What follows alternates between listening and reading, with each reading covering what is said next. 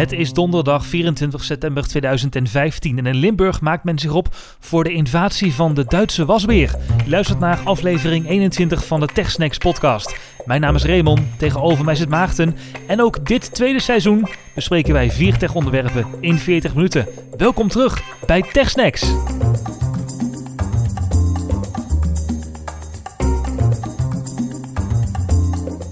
Moeten we de grenzen sluiten voor de Duitse wasbeermaarten of wat is er precies aan de hand? Er is er dus één eh, gevangen en volgens bioloog Jaap Mulder is het een verkenner uit Duitsland. Ik citeer, zo spannend vind ik het dit. Eh, de, de populatie dijt langzaam uit en komt dus nu ook aan onze grenzen. Dat vertelt Mulder aan NOS Radio 1. Ehm, nou, dat, eh, dat, dat, dat, was het eigenlijk. Ehm, we gaan het over tech hebben, want eh, wasberen vind ik eh, niet zo heel interessant. Ehm, maar eh, technologie des te meer. We zijn er weer, een, een nieuw seizoen Tech Snacks. Welkom. Welkom, ja. Na zomerdiners, een, een wat bewogen zomer, eh, waardoor niet alle zomerdiners die we in gedachten hadden konden worden opgenomen.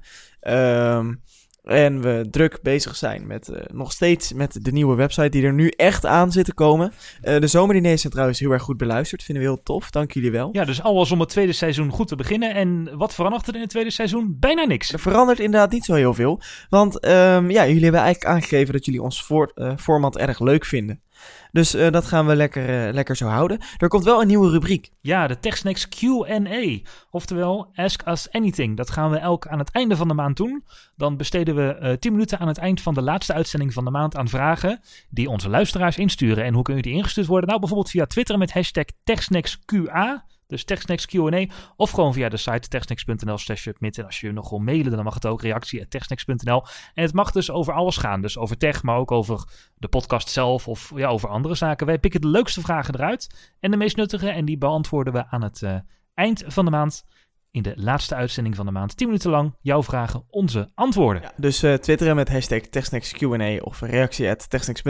Ja, deze aflevering gaan we het heel veel over Apple hebben. Want die heeft gewoon het nieuws eh, gedomineerd. Wij hebben na het laatste Apple-event hebben wij nog niks eh, van ons laten horen. Dat kwam omdat ik op vakantie was. Ja, klopt. Daar gaan we het zo nog even over hebben. Maar we gaan het eh, uitgebreid hebben vandaag over iOS 9, eh, de iPhone 6s, de iPad Pro, de, de Xcode hack. Ja, alle nieuwigheden van Apple komen uitgebreid aan bod.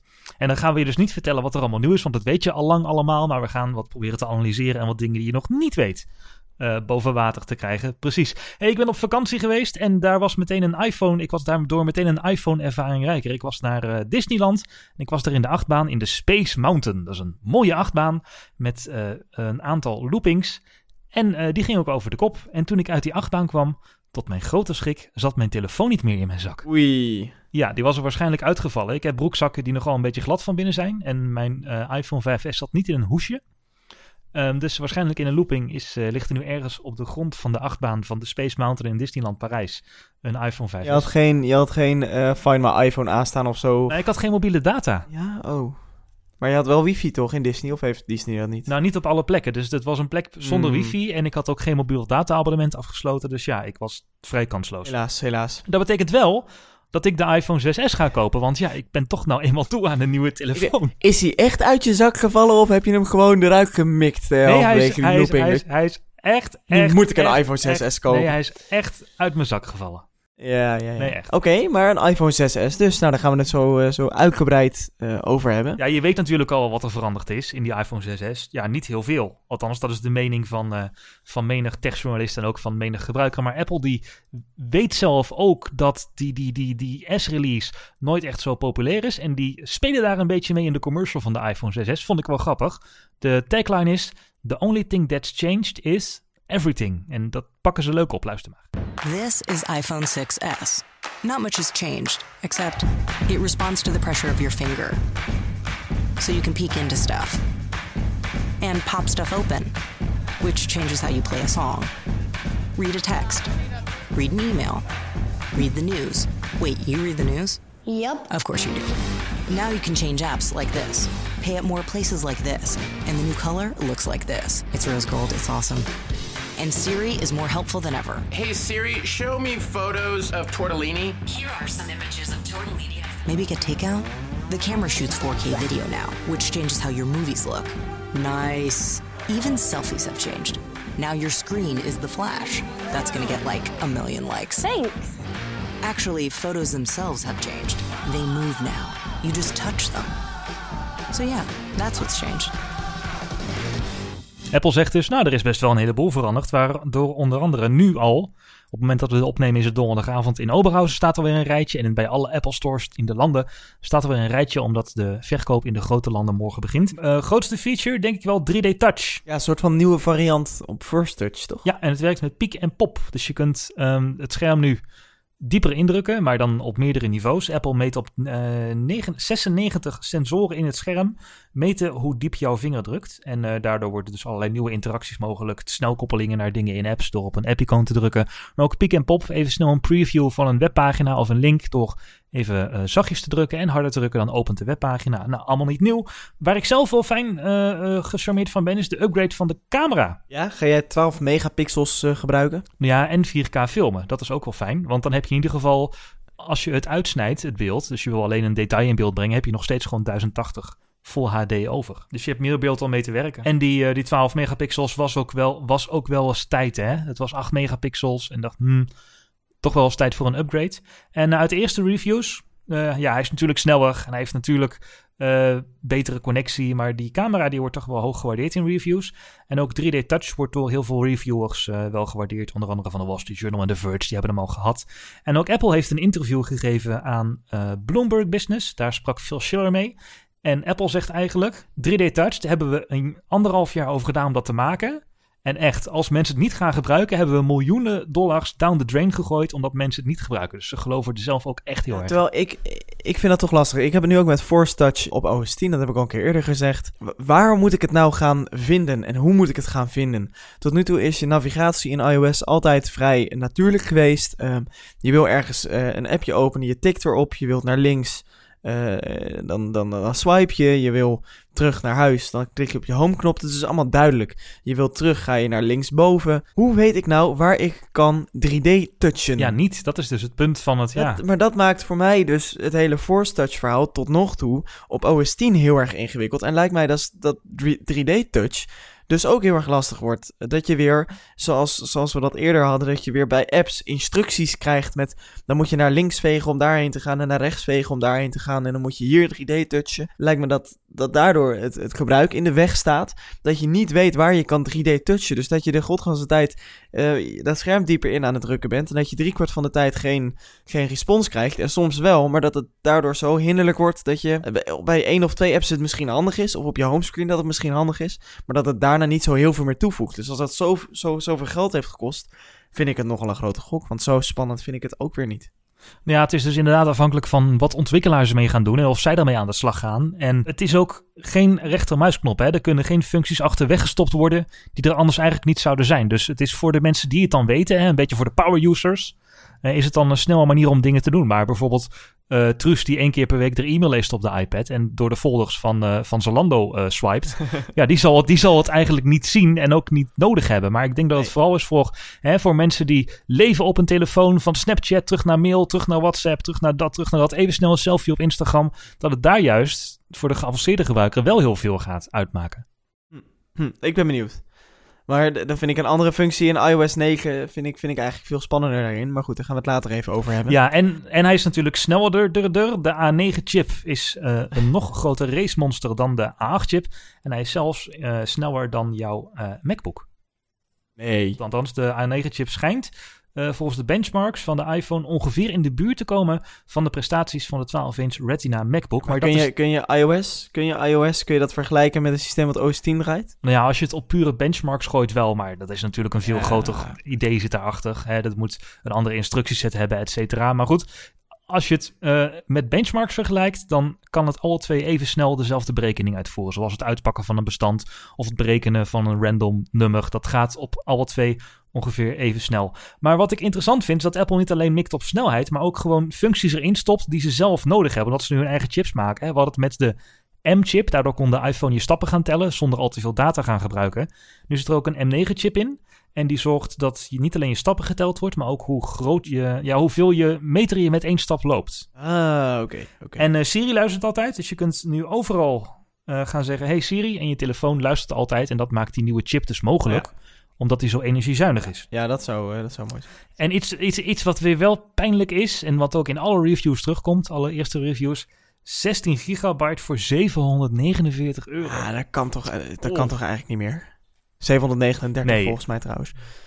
Een Rare Ja. prijs in Europa, 739 euro. Maar nee, 16 gig tegenwoordig, dat, dat, ja, dat, je hebt te veel content op je telefoons nodig. Eh, je kan 4K video's en 12 megapixel foto's, ik wilde net zeggen, dat, dat, dat kun je gaan maken. Ja, daar heb je ook opslagruimte voor En nodig. natuurlijk die 3D-foto's die ze hebben aangekondigd. Dat neemt ook ongeveer twee keer meer opslag nodig. Dus inderdaad, 16 gigabyte ga ik niet kopen. Wordt 100 euro extra. Dus ja, dat wordt weer wel een flinke Ja, uitgave. ja, en dat is eh, natuurlijk precies waarom ze het doen. Ja, daarentegen is iCloud-opslag wel goedkoper geworden. Dus nou, dat is een schade Ja, troost. eh, de, de nieuwe tarieven zijn wel redelijk betaalbaar. Maar ze moeten ook wel, want ze moeten met iCloud gaan concurreren met Dropbox en zo. ja, het kost nu voor een terabyte eh, kost, kost het een tientje net als Dropbox. En je kunt ook 50 gig nemen voor een euro per maand. Dus nou, daar kun je al je 4K-foto's, daar ben ik kwijt. En ze hebben Bandgate min of meer toegegeven, maar ook weer niet, hè? Nou, ik weet eigenlijk niet of ik dit mag vertellen in de podcast. Jawel. Mijn eh, iPhone 6 is eh, vervangen binnen coulance, niet binnen garantie. Binnen coulance, dus, de, dus een coulance dingetje geweest. Want mijn scherm kraakte een beetje. En daar ben ik al een keer eerder voor terug geweest. En toen heb ik een nieuw scherm gekregen.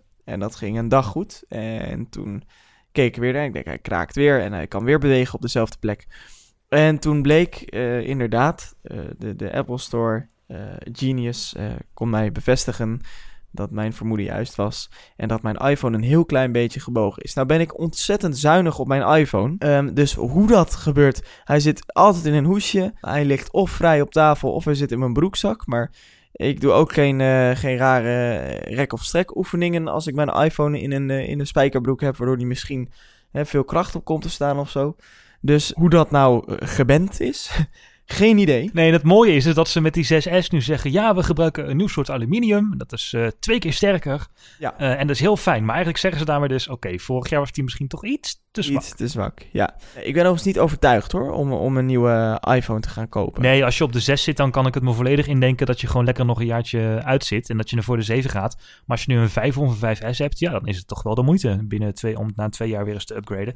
Dus dat ga ik doen. Dus het gaat veel geld kosten. Want 64 gig, want 16 gig... nee, nee, nee. nee. Ja, di- dit was niet eh, de spannendste aankondiging natuurlijk. Wat wel heel erg eh, bijzonder opmerkelijk is, was de, de lang verwachte en geruchtmakende iPad Pro die gelanceerd is. Eindelijk was die er. Ja, ja, ja, een 12,9 inch iPad met een heel goed scherm, hè, Raymond. Ja, echt Er zit een... namelijk ehm, het, hetzelfde scherm in van de iPad Air 2. Zeg ik dat goed? Ja, hij heeft hetzelfde aantal pixels per inch, dus hij is super scherp. En eh, dat scherm van de iPad 2 was ook helemaal gelamineerd en eh, ontspiegeld. Dus waarschijnlijk eh, borduurt Apple op die techniek voort en heeft dus de iPad eh, Pro ook gewoon zo'n heel goed scherm, wat ook buiten goed te gebruiken is. En datzelfde scherm hebben ze ook in de iPad mini gestopt trouwens. Ehm, dus ja, we kunnen ervan uitgaan dat het superieure scherm van de iPad Air 2 nu zijn weg gaat vinden naar alle iPads en dus ook de iPad Pro gaat bereiken. Met natuurlijk die Retina pixels per inch van 263 uit mijn hoofd. 264 met een resolutie van 2732 bij 2048 op een 12,9 inch scherm. Dat is echt enorm. Ja, dat doet mijn 27 inch monitor hier doet een minder hoge resolutie. Ja, ja, ja, ja, ja. Nou, als we nog even doorborduren op de, op de specs, dan eh, kijk ik naar de processor en dan zie ik een A9X-chip met een 64-bit eh, architecture. En een M9 Motion Co-processor, waar we het net ook al even over hadden. En toen noemde jij al, deze processor dezelfde snelheden kan behalen als mijn Intel 1.3 GHz processor, eh, de maxed out optie van de 12, van de, van de 12 inch MacBook. Nou, ik denk zelfs nog meer, want die A9-chip waar die in benchmarks mee is vergeleken, die was van de iPhone 6S en dat is de gewone A9-chip. Maar die iPad Pro, die heeft dus de A9X-chip. Dat is dus nog een snelle, dikkere versie van de A9. Dus ik vermoed als je puur naar benchmarks gaat kijken, dat hij jouw MacBookje 12 inch retina dan helaas voor jou toch weg gaat blazen. Ja, ja, ja. Nou, ik ben er heel blij hoor met mijn eh 12 inch MacBook. En ik zou ook niet echt deze iPad willen, want, want ik wil gewoon eh, OS 10 eh, erop kunnen draaien. Ehm eh, gave dingen aan de buitenkant, die, die ik heel mooi vind, is- zijn die built-in stereo speakers aan twee zijden. Dus eh, aan de onderkant en aan de bovenkant van de iPad Pro vind je dus eh, stereo speakers. En die zijn ook nog dynamisch op beweging. Dus die kijken naar hoe die iPad wordt eh, bewogen en daaraan past hij het geluid aan. En ehm, dat lijkt me dus een ontzettend gave ervaring voor films en voor games. Wat natuurlijk prachtig uitkomt op zo'n 12,9 scher- het 9 Mhm. inch scherm. Wat echt heel erg groot Ja, is. die- eh, uit de eerste reviews blijkt ook dat die speakers echt heel snel meedraaien. Dat het geluid echt, echt, echt heel veel beter is. En als we dan even bij de harde blijven, zien we aan de zijkant zien we nieuwe puntjes. En drie puntjes. En dat noemt Apple de Smart Connector. Ja, daar gaat een toetsenbordcase op. Vond ik ook zo opmerkelijk. Het wordt echt productief. En ehm, ze hebben er ook nog een, een, een stylus, oh, oh, ik herstel, een pencil eh, bij aangekondigd. En ja, dat deed me toch een beetje denken aan dit fragmentje. How are we going to communicate this? We don't want to carry around a mouse, right? So what are we going to do? Oh, a stylus, right? We're going to use a stylus. No. No. Who wants a stylus? You have to get them and put them away and you lose them. Yuck. Nobody wants a stylus. So let's not use a stylus. We're going to use the best pointing device in the world. We're going to use a pointing device that we're all born with. We're born with 10 of them. We're going to use our fingers. We're going to touch this with our fingers. Steve Jobs in, in volle overtuiging. Stylus, yeah!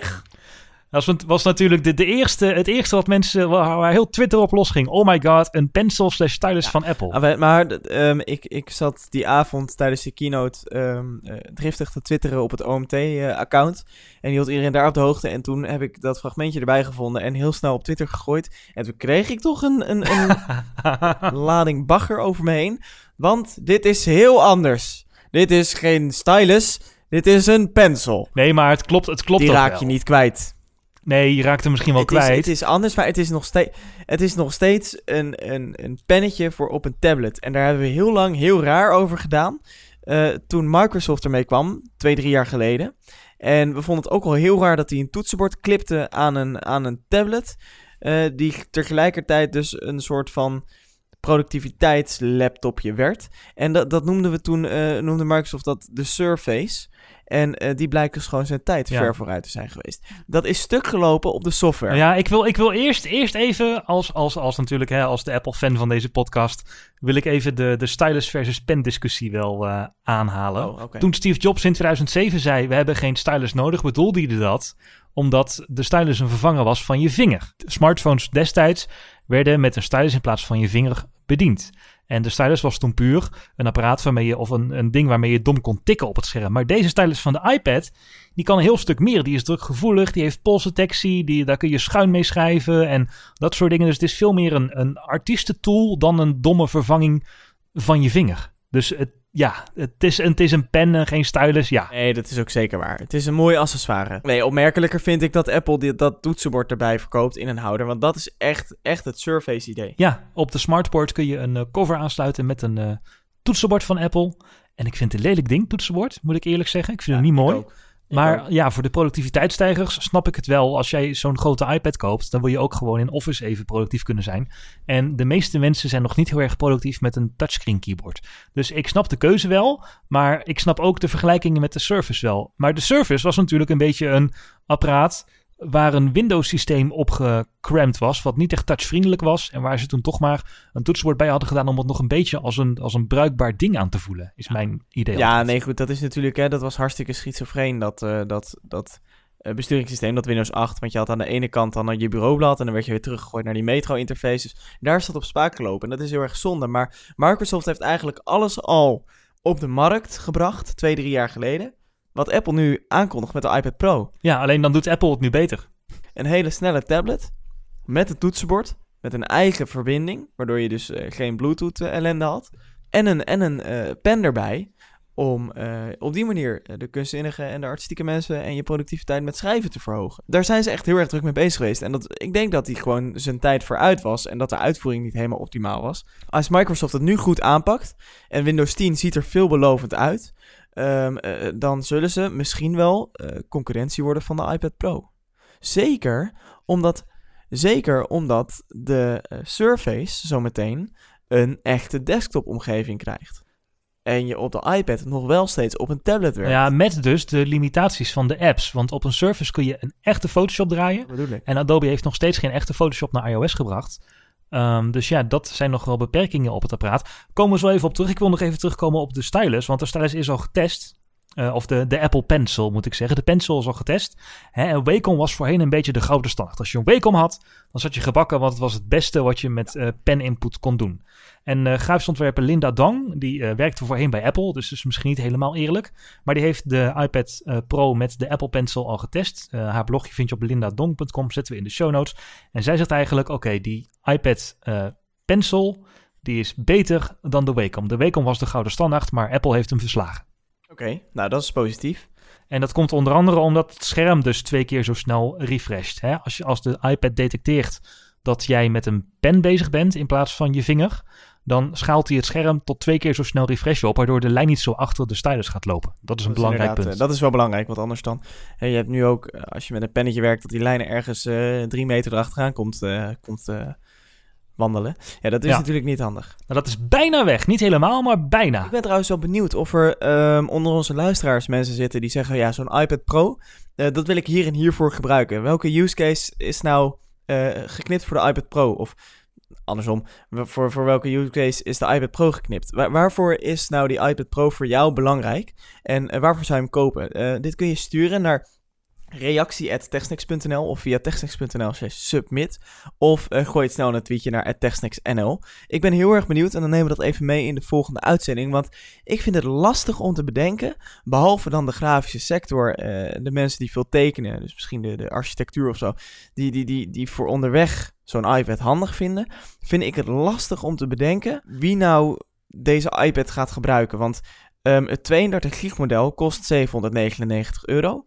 Eh 32 gig voor zo'n apparaat waar je zoveel eh, op wilt doen, want dat, dat wordt wel echt een, een power user ding, ehm, is denk ik te weinig. Dus dan ga je naar 128 gig. Het is een beetje hetzelfde spelletje als de 16 en 64 gig. En dan betaal je 949 dollar. Dat zal dus boven de 1000 euro zijn. En voor dat geld kun je op een gegeven moment ook gaan kijken naar een MacBook Air of een ja, dan moet je iets meer erbij leggen, maar dan heb je je instap MacBook 12 inch. Het gat tussen de iPad Pro en de instap MacBooks wordt wel heel erg klein. En met een instap MacBook heb je al wel de omgeving van OS 10. En is dat niet belangrijker voor... Met alle Pro-applicaties en alle Power-applicaties, is dat niet eh, een gevaar, denk je? Gaat Apple de iPad Pro niet cannibaliseren met zijn eigen instap Nou ja, daar is Apple nooit zo bang voor geweest. Maar ik voorzie wel twee gevaren voor de iPad Pro. Dat is één natuurlijk de apps. Appmakers moeten echt zorgen dat ze daar goede apps voor hebben. En zorgen dat die apps zich gaan onderscheiden en echt een professionele markt aanbieden. Dat wordt met de huidige prijsstructuur van de App Store best lastig. Want je kunt nu niet een app maken die alleen op de iPad Pro werkt. En daar bijvoorbeeld een eh, hogere prijs voor vragen. Maar die apps die moeten ook op de gewone iPad werken, op de iPad Air. eh 2. Dus ik denk dat Apple daar zeker wat aan moet doen. Dat, hè, dat echt ontwikkelaars die iPad Pro specifiek kunnen aanspreken. Met duurdere apps misschien, want professionele apps zijn nu eenmaal duurder. En niet met de 2,99 dollar app die ook op de iPad Air 2 moet eh, werken. En wat ik gek vind, is dat ze er geen USB-C in hebben gestopt. Want hoe moet ik bestanden ervan en naartoe krijgen zonder eh, connectie? iCloud Drive. Ja, dat is leuk. Hè? De cloud, dat is leuk voor een, een eh, Photoshop-bestandje. Of misschien ook niet. Om, of gewoon voor een plaatje.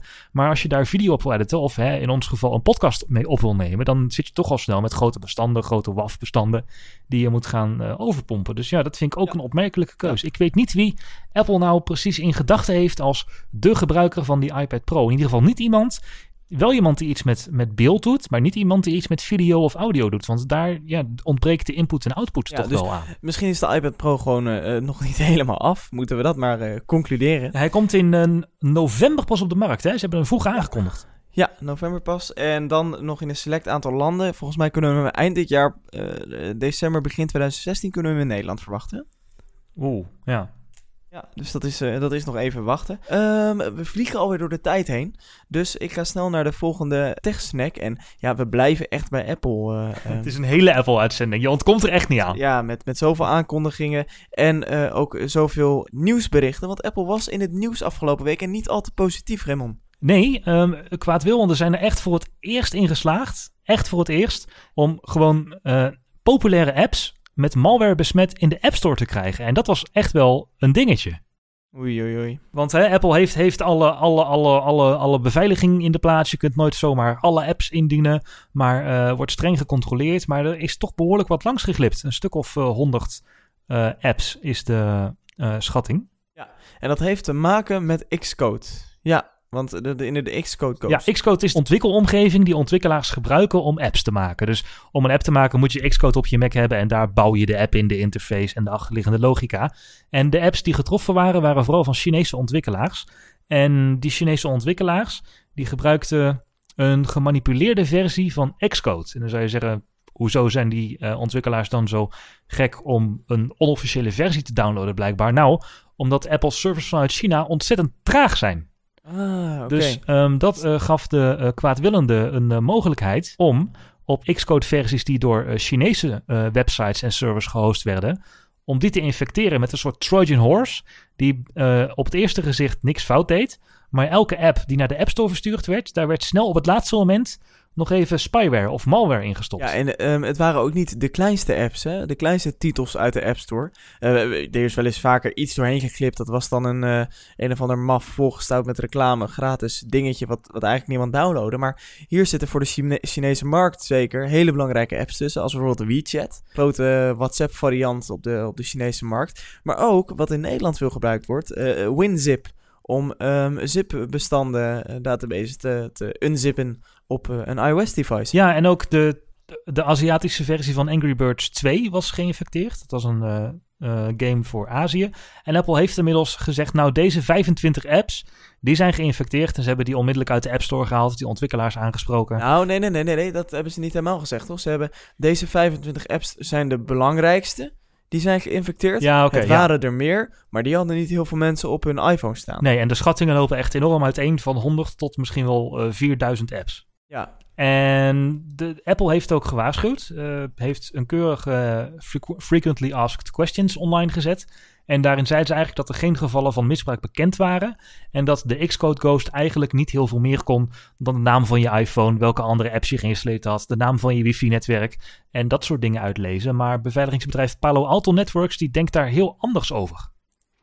Eh, zij zeggen namelijk dat er ook fictieve loginschermen gepresenteerd werden. Dus een push-notificatie met eh, je moet opnieuw inloggen op iCloud. En als je dat eh, deed, dan kreeg je van die eh, app, van die malicious app, dus een loginscherm wat je wachtwoord doorstuurde. oei. Ja, wat die kwaadaardige apps ook konden, was het clipboard. Dus het kopiëren en plakken raadplegen en doorsturen. Dus als je OnePassword gebruikt op iOS, dan kun je daar je wachtwoord uit kopiëren en naar een website plakken. Dan hadden ze ineens ook heel veel passwords. Hmm, ik weet niet, ik vind dat toch ergens, vind ik dat toch geloofwaardiger klinken dan zeggen van nou, er is niet zoveel gebeurd. Ja, Want eh, dat is waar je op uit bent als je zoiets eh, gaat, gaat onderzoeken. Als je zo, als je zo op zo'n schaal eh, gaat infiltreren binnen een besturingssysteem, dan wil je daar meer uit hebben dan alleen de naam van een device en eh, welke apps er nog meer geïnstalleerd zijn. Dus ik kan me haast niet voorstellen dat het daarbij gebleven is. Zeker niet als er meer dan 100 apps geïnfecteerd zijn, want daar kunnen we toch wel van uitgaan. ja, daar kunnen we zeker van uitgaan. Apple heeft de 25 populairste gelist, maar goed, de schattingen lopen tot 4000 uiteen. Hm, Ik, ik heb er een beetje nare smaak bij in de mond, want je ziet dus dat hè, de beveiliging van Apple doet wel zijn werk. Ehm, de App Store is wel gemonitord, maar blijkbaar eh, kan dit er dan toch net langs glippen. En de sandboxing, die doet ook wel zijn werk. Dus hij zorgt dat hij niet al je foto's kan stelen, et cetera. Maar toch is er nog wel behoorlijk wat hè, uit zo'n gebruiker te trekken. Door hem te verleiden om even in te loggen, zijn, eh, zijn clipboard te monitoren.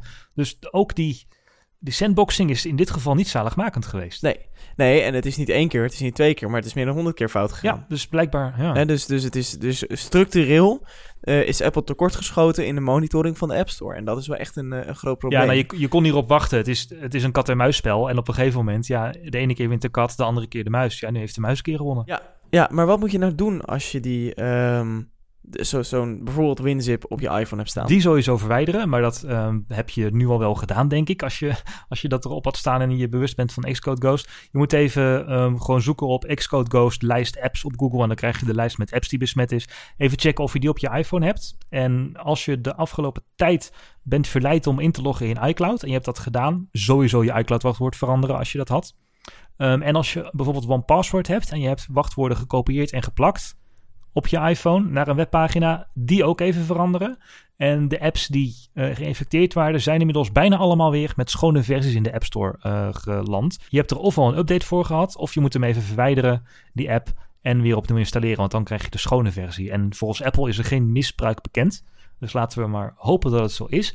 Wat trouwens echt opmerkelijk was, is dat de ontwikkelaar van die Xcode Ghost, die heeft de code van die Xcode Ghost een paar dagen geleden op zijn eh, GitHub-pagina gepubliceerd.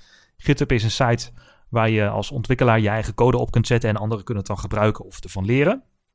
En hij zegt: Sorry dat ik dit gemaakt heb, maar ik heb het zo niet bedoeld. Hoe heeft hij het dan bedoeld? Hij zegt: Het was een experiment voor mijzelf om te kijken of ik bepaalde info uit apps kon halen dat ik ze met Xcode gemaakt had.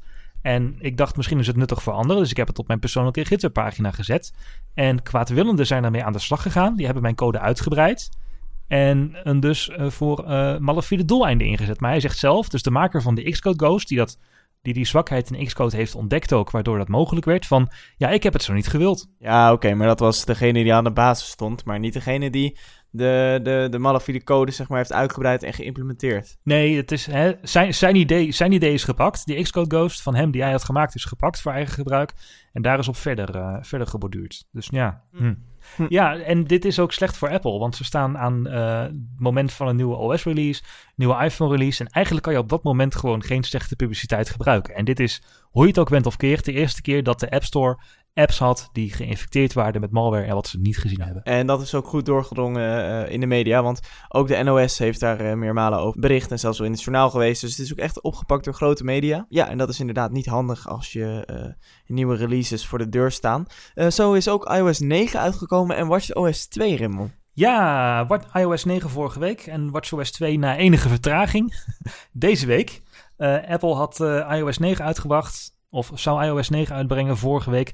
En daar zou ook WatchOS 2 mee komen. Op het laatste moment zei een woordvoerder van Apple dat WatchOS 2 toch niet kwam, omdat er een bugje was. Maar goed, is hersteld. iOS 9 en WatchOS 2 zijn alle twee uit en everything is awesome. Nou ja, is het eigenlijk wel awesome? Wat is voor jou nou een iOS 9 feature waarvan jij denkt, ja, dat is handig, daar ben ik blij om. Heel erg ondersteboven van iOS 9 ben ik niet, want ja, dat is ook weer een, een update die, die een beetje onder de, onder de motorkap alles optimaliseert. Maar iPhone is wel wat sneller geworden, heb ik het gevoel. Maar wat ik, wat ik een feature vind die er echt uitspringt, is heel simpel en klein. Maar dat is het nieuwe multitasken. En dan heb ik het niet over het scherm eh, als je twee keer op je home eh, button klikt, wat dan verschijnt. Maar als je bijvoorbeeld in WhatsApp een linkje opent, of in Tweetbot een linkje opent, en hij opent dan vervolgens de link in Safari, dat er dan linksbovenin een eh, knop verschijnt in je, in je menubalk, zeg maar, waar normaal je provider en je, je tijd en et cetera staat. Ga terug Mhm. naar Tweetbot of ga terug naar WhatsApp. En dat vind ik echt super handig. Gebruik ik echt heel erg veel. Ja, dat is fijn, hè? En als ik mijn oortjes in mijn iPhone plug, dat linksonder op mijn eh, toegangsscherm een klein Spotify-logootje verschijnt. En als ik twee keer op mijn home-button klik, dat er onderin een balk verschijnt met Spotify. Eh, dat vind ik heel erg handig. Twee kleine dingen, maar die toch in je dagelijks leven best handig zijn. Ja. ja, ik vind het inzicht in het accugebruik van apps eh, fijn wat je hebt. Je kunt nu per app kijken, niet alleen hoeveel accu die totaal heeft gebruikt, maar ook hoeveel accu die eh, gebruikt als die niet actief is, dus op de Oh, achtergrond. dat heb ik nog nooit gedaan, weet je dat? Even kijken. Ja, die, eh, dat zit in instellingen en dan batterij. En dan zie je procent apps ook op de achtergrond hebben gebruikt. En dan moet je op een klokje klikken en dan zie je dat. Daar ben ik heel blij mee. En de low Ja. power mode. Dus die op de achtergrond eh, je iPhone iets trager maakt. De wifi iets minder sterk zet. Waardoor je als je net nog niet je accu er doorheen hebt... toch nog een uurtje langer mee kan. Of zelfs iets langer. Dat vind ik eh, positieve veranderingen. Zeker omdat ik een iPhone 5S had... die toch wel met zijn accu na twee jaar... mm, niet heel erg best meer was. Welke, welke, ja, welke app denk je dat het meest eh, eh, gebruikt van mij? Hm, moves, zeker weten. Nee, Moves gebruik ik niet, want die heb ik om die reden eraf geknikkerd. Facebook, die draait dus ook op de achtergrond 1,6 uur. Die gebruikt 23% van mijn accu. En eh, is 51 minuten op het scherm geweest. Daardoor komt Spotify. Dat komt omdat hij 2 minuten op het scherm heeft gedraaid, maar 2 uur op de achtergrond. Dat klopt wel. Ja, dan speel je muziek af natuurlijk. Ja, precies. Ja, bij mij is het Facebook niet, maar ik heb in een tijdje geleden volgens mij al alle achtergrondactiviteiten op de, eh, op de van Facebook uitgezet. Mij is het 10%. Dus ja, dat is zeker de moeite waard als je iOS 9 hebt om toch even te kijken hoe je daar snel wat, eh, wat aan je accu kunt doen. Of aan de capaciteit van de, de accu die een app leegtrekt. Dat was voor mij een van de positieve dingen. En ook proactief. Dus de serie-suggesties, waar je- die je al hebt gemerkt op je lockscreen. Maar ook als je helemaal naar rechts swipet, dan krijg je een aantal eh, apps en contacten te zien die jij het meest gebruikt. En ik moet zeggen, bij mij klopt het altijd wel dat de vier apps die ik gebruik, die staan er altijd wel ehm, wanneer ik ze wil gebruiken. En dan hoef ik niet meer helemaal op, op te zoeken, oh, in welk van mijn tien homeschermen zat Facebook ook weer. Nee, het staat daar gewoon en ik kan het gewoon gebruiken. Ja, klopt. Dat vind ik ook wel handig. Wat ik een heel ander verhaal vind, is het, eh, nieuws wat eronder staat. Want ehm, eh, nu komt ineens... Je leest standaard de Telegraaf nu. Ik lees standaard. ik, heb, ik kijk nu, dan staan er vier nieuwsberichten. Weer bewijs tegen Dijsselbloem over naheffing naar boven. Tumult in Rijswijk over Pietenfeest. Tientallen bankiers gaat nog steeds puntje, puntje, puntje. Eh, PvdA krijgt er stevig van langs om leugens mantelzorgboete. Vier of drie van deze titels zijn van de Telegraaf en één van nu. Ja, klopt, ik heb ze ook. Nou, dat zijn niet de, de nieuwsbronnen die, die ik wens je kunt ze nergens aanpassen. Eh, dus Siri, eh, nee. Je kan ze nergens aanpassen. Maar ik vind dit ook geen nieuws. Want ehm, waarop baseert Siri dat dit nu nieuws Ja, waarschijnlijk is? nergens op, want jij en ik krijgen dezelfde. Dus volgens mij zijn het gewoon vier recente headlines of vier goed gelezen artikelen van die sites. En moesten ze een beetje opvulling hebben. Ja. Ja, ik vind dat echt een slechte zaak. Want dus niet alles wat populair is, is nieuws. Hè, wat nieuws is, is wat er gepusht wordt door eh, Reuters en door de NOS. En dat is nieuws. Eh, dat is wat er nu, nu net eh, bekend is geworden over iets, weet je wel. Maar niet eh, dat er tumult in Rijswijk is over het Pieterfeest. Interesseert mij dat wat? Eh, Telegraaf. Ik, ik voel wat irritatie daarop, eh, op dat gebied. Nee, ja, ik vind dat echt. je, kan, je, je moet je ergens druk om maken. hè. Maar ehm, nee, dat vind ik, echt niet, vind ik echt niet handig. Nee, voor de rest vind ik het, proactieve Siri wel handig. Ehm, nog niet heel erg veel van gemerkt. Wat ik wel merkte laatst was dat ik een afspraak in mijn agenda had toegevoegd. En dat hij, daar, dat hij dan ook bij Siri suggesties Ja, zet. klopt. Die eh, krijg je meteen te zien. Ik gebruik mijn digitale agenda. Die krijg je meteen te zien, die nieuwe, die nieuwe afspraak. Eh, nou, dat is ook wel een handig, eh, handig ding. Ja, en een groot, een groot onderdeel naast het proactieve is natuurlijk de adblockers die mogelijk zijn geworden. Of ja, eigenlijk moet je het contentblokkers noemen. Heb jij er een geïnstalleerd? Nee, daar ben ik nog helemaal niet mee bezig geweest. Nee. Ja, dat is dus eh, waar het hele, hele internet ongeveer in rep en roer over is. Apple heeft het mogelijk gemaakt om contentblokkers te maken, waarmee je dus advertenties kunt blokkeren, maar ook andere dingen kunt blokkeren. En eh, ja, het eerste wat we nu zien is dat er heel veel adblock apps voor iOS zijn. Maar je zou ook met die contentblokkers veel meer kunnen doen dan alleen advertenties blokkeren. Want je kunt in principe gewoon zeggen, ehm, een website is opgebouwd uit verschillende elementen, verschillende divjes, verschillende elementen. En je kunt dus tegen zo'n adblocker zeggen, nou, eh, als een element X, Z heet, dan moet je dat niet weergeven. Of als een domeinnaam eh, dit bevat, moet je dat niet weergeven. Of alle plaatjes moet je niet weergeven. Of nou ja, eindeloos kun je eh, bepalen wat websites wel en niet mogen eh, weergeven. Dus je zou ook een contentblokker kunnen maken die alleen maar alle, die alle plaatjes vervangt en die alleen maar tekst weergeeft. Dus dat je minder hoeft te laden op een trage verbinding. Die is er nog niet. En ik denk bijvoorbeeld ook aan ehm, eh, Filternet van de EO. Dat is nu een, een internetabonnement wat je op je PC kunt hebben. Wat, eh, wat porno blokkeert en, Ja. en allerlei eh, eh, kind- en christenonvriendelijke sites, meen ik, blokkeert. Dat zouden ze ook voor iOS kunnen maken. En vandaag is er een contentblokker uitgekomen. Die heet Shut Up. En wat doet hij? En aan de naam van de, van de contentblokker kun je al raden wat hij doet. Namelijk reacties blokkeren. Dus als je op de telegraaf.nl zit of op Facebook en je ziet op een nieuwsartikel eindeloos veel reacties Daar van kom ik wel de laatste tijd ja, op de telegraaf.nl. ja, Maar goed, die blokkeert dus, die de- eh, verbergt dus alle reacties op nieuwsartikelen en ook op YouTube-video's, et cetera. Ah, oké. Dus dan heb je gewoon alleen wat de auteur heeft geschreven en verder geen mensen die zich ermee gaan bemoeien en eh, reacties gaan plaatsen. Oké. Shut Up heet hij. We zullen het link in de show zetten, is gratis. En er zijn natuurlijk heel veel eh adblockers. Ik heb er drie die ik je aan kan raden. Drie adblockers. En niet Crystal. Crystal is de populairste. Kost een euro. Maar die raad ik je niet aan, want hij heeft geen whitelisting.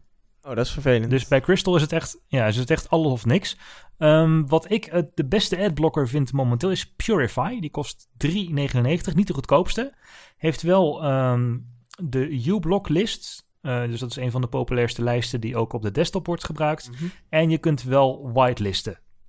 Dus als je toch een, een webpagina hebt die niet helemaal lekker werkt met een adblocker. Bijvoorbeeld sommige webshops die werken niet helemaal lekker met een adblocker. Kun je alsnog even whitelisten. Doet hij het wel? Purify is dat. Ehm, als je iets meer controle wil hebben. Dus je kunt dan bijvoorbeeld ook zeggen: ik wil eh, cookies blokkeren en ik wil tracking blokkeren. Ehm, andere privacy instellingen. Dan kun je Blokker downloaden zonder de E, dus B-L-O-C-K-R. Die kost maar 99 cent. Is iets minder gelikt dan Purify. Eh, maar is wel goed in te stellen. En als je echt een power user bent.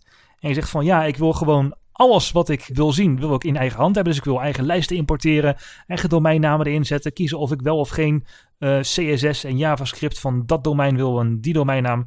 Dan is OneBlocker een goed alternatief. Echt voor de power user. 2,99 in de App Store.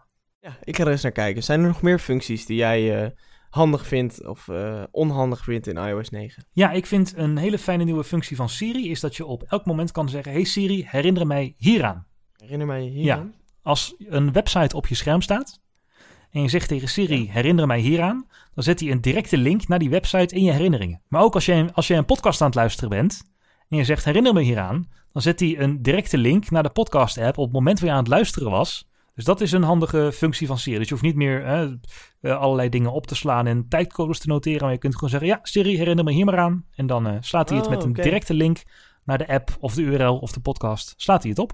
Handig, handig. Ook voor podcast. Want eh, ik hoor nog wel eens wat in podcast. Wat ik interessant vind, een boek of een, een, een app of zo. Of zoals wij zelf ook wel eens apps bespreken, kan ik me voorstellen dat het handig is om het op die manier te onthouden. Ah, goede tip, Ja. dat wist ik niet. En dat werkt met de meeste apps die handoff ondersteunen, werkt het al. Oké, oké. Dus niet alleen met Apple apps, maar ook met externe apps. Hartstikke mooi. Maar er zijn ook problemen en ergernissen. Oh ja, zoals met iedere eh, nieuwe iOS-release zijn er ook weer wat probleempjes, wat bugjes, wat dingetjes die niet helemaal lekker werken. Wel een stuk minder, moet ik zeggen, dan met iOS 8 vorig jaar. Ja. Waar de halve helft app niet werkte en waar iPhones ineens niet meer door konden bellen en eh Touch ID niet meer werkte. Ja, maar apps zijn in het Engels. Apps zijn ineens in het Engels. Dat is eh, sommige apps dan. Dat is een bugje, ja. De nieuws-app is niet beschikbaar. Nee, eh nieuwsapp wordt wel genoemd in de instellingen, maar is natuurlijk alleen nog in de VS beschikbaar. Eh is een nieuwsapp van, eh, van iOS waar je artikelen kunt lezen uit verschillende media. En dan kun je wel je persoonlijke voorkeuren aanpassen. Hij werkt een beetje als Apple Music met een tabblad voor jou en een tabblad aanbevolen en een tabblad zoeken. Dus een soort ja, Apple Music-achtige manier van nieuws. Als je nou je systeemtaal in het Engels instelt op je iPhone, kun je hem wel krijgen. Ja, als je je regio, je systeemtaal hoeft niet, maar je regio wel. Had jij nog een, een laatste tip over iOS 9? Want we moeten even door omwille van de tijd. Ja, ik heb nog wel een handige tip voor iedereen die wel eens in bed nog even snel een artikel wil aflezen of nog even in bed een website wil checken. De reader modus van Safari, dus eh, waar alle opmaak weggestript wordt, die heeft nu ook een nachtmodus. Dus je kunt nu ook zeggen tegen ehm, Safari, toon dit artikel met witte tekst op een zwarte achtergrond. En dat is fijn. Even kort over WatchOS 2. Want dat is ook uit. En dat is eigenlijk, kunnen we denk ik wel kort over zijn, wat WatchOS, eh, WatchOS had moeten zijn. Ja, native apps. Eh, nu eindelijk de mogelijkheid om op mail te, be- te, an- te beantwoorden. Dat, dat was best wel een dingetje dat je wel mail kon lezen, maar het kon beantwoorden. Meer info op je wijzigplaat. Apps kunnen nu ook eigen info tonen op de wijzigplaat en ook snelle blikken kunnen ze eh, tonen. De muziekapp is flink verbeterd. Nu zit eindelijk Apple Music er goed in. Beats One zit erin. En wat ik zelf een leuke functie vind, is de nachtklok met wekker, de nightstand modus. Als je je Apple Watch aan het opladen bent s'nachts en je legt hem met de digital crown en de, de knop naar boven, dus op zijn zijkant, dan wordt hij een soort van ja, nachtklokje met een wekker die je kunt zetten. Nou, dus dan kun je hem 's ochtends stuk slaan als eh snoes. Ja, en daar zie je weer dat Apple er goed over na heeft gedacht. Want je wil niet dat dat ding de hele nacht aanstaat met zijn groene eh, cijfers. Dus eh, een minuut nadat je hem in hebt gesteld, dan blijft hij aan. Daarna gaat hij uit. Maar als je wekker bijna afgaat, daar, vlak daarvoor doet hij het scherm ook aan. Dus je wordt altijd wakker met een scherm dat aan is, zeg maar, op de Apple Watch. En dat vind ik fijn. Handig. Digital Crown is snooze en eh, de andere knop is eh, wekker het definitief uit. Wat hebben we dan nog meer in WatchOS 2? Eh, Siri weet nu eindelijk op alles een antwoord en klein maar fijn, eindelijk het scherm kan langer aanblijven. Hij is dus iets productiever geworden. Maar nog steeds vind ik het een wat karig horloge voor eh, de prijs die je ervoor betaalt. Ehm, deze functies brengen ons weer aan het einde van eh, de eerste aflevering van het tweede seizoen van de TechSnacks podcast. En ook aan het eind van het tweede seizoen bedanken we NoDots voor het sponsoren van de bandbreedte voor deze podcast. Check ze op www.nodots.nl. Nederlandse bodem, je kunt terecht voor webhosting en webdesign. We bedanken ook Ben Sound voor de intro en de outro muziek. En herinneren je aan dat we de volgende week weer zijn. En je in de tussentijd even een recensie kunt achterlaten in de iTunes Podcast Store. Bij voorkeur 5 sterren. Maar hey, elke recensie is welkom. Bedankt voor het luisteren. Tot volgende week. Tot ziens!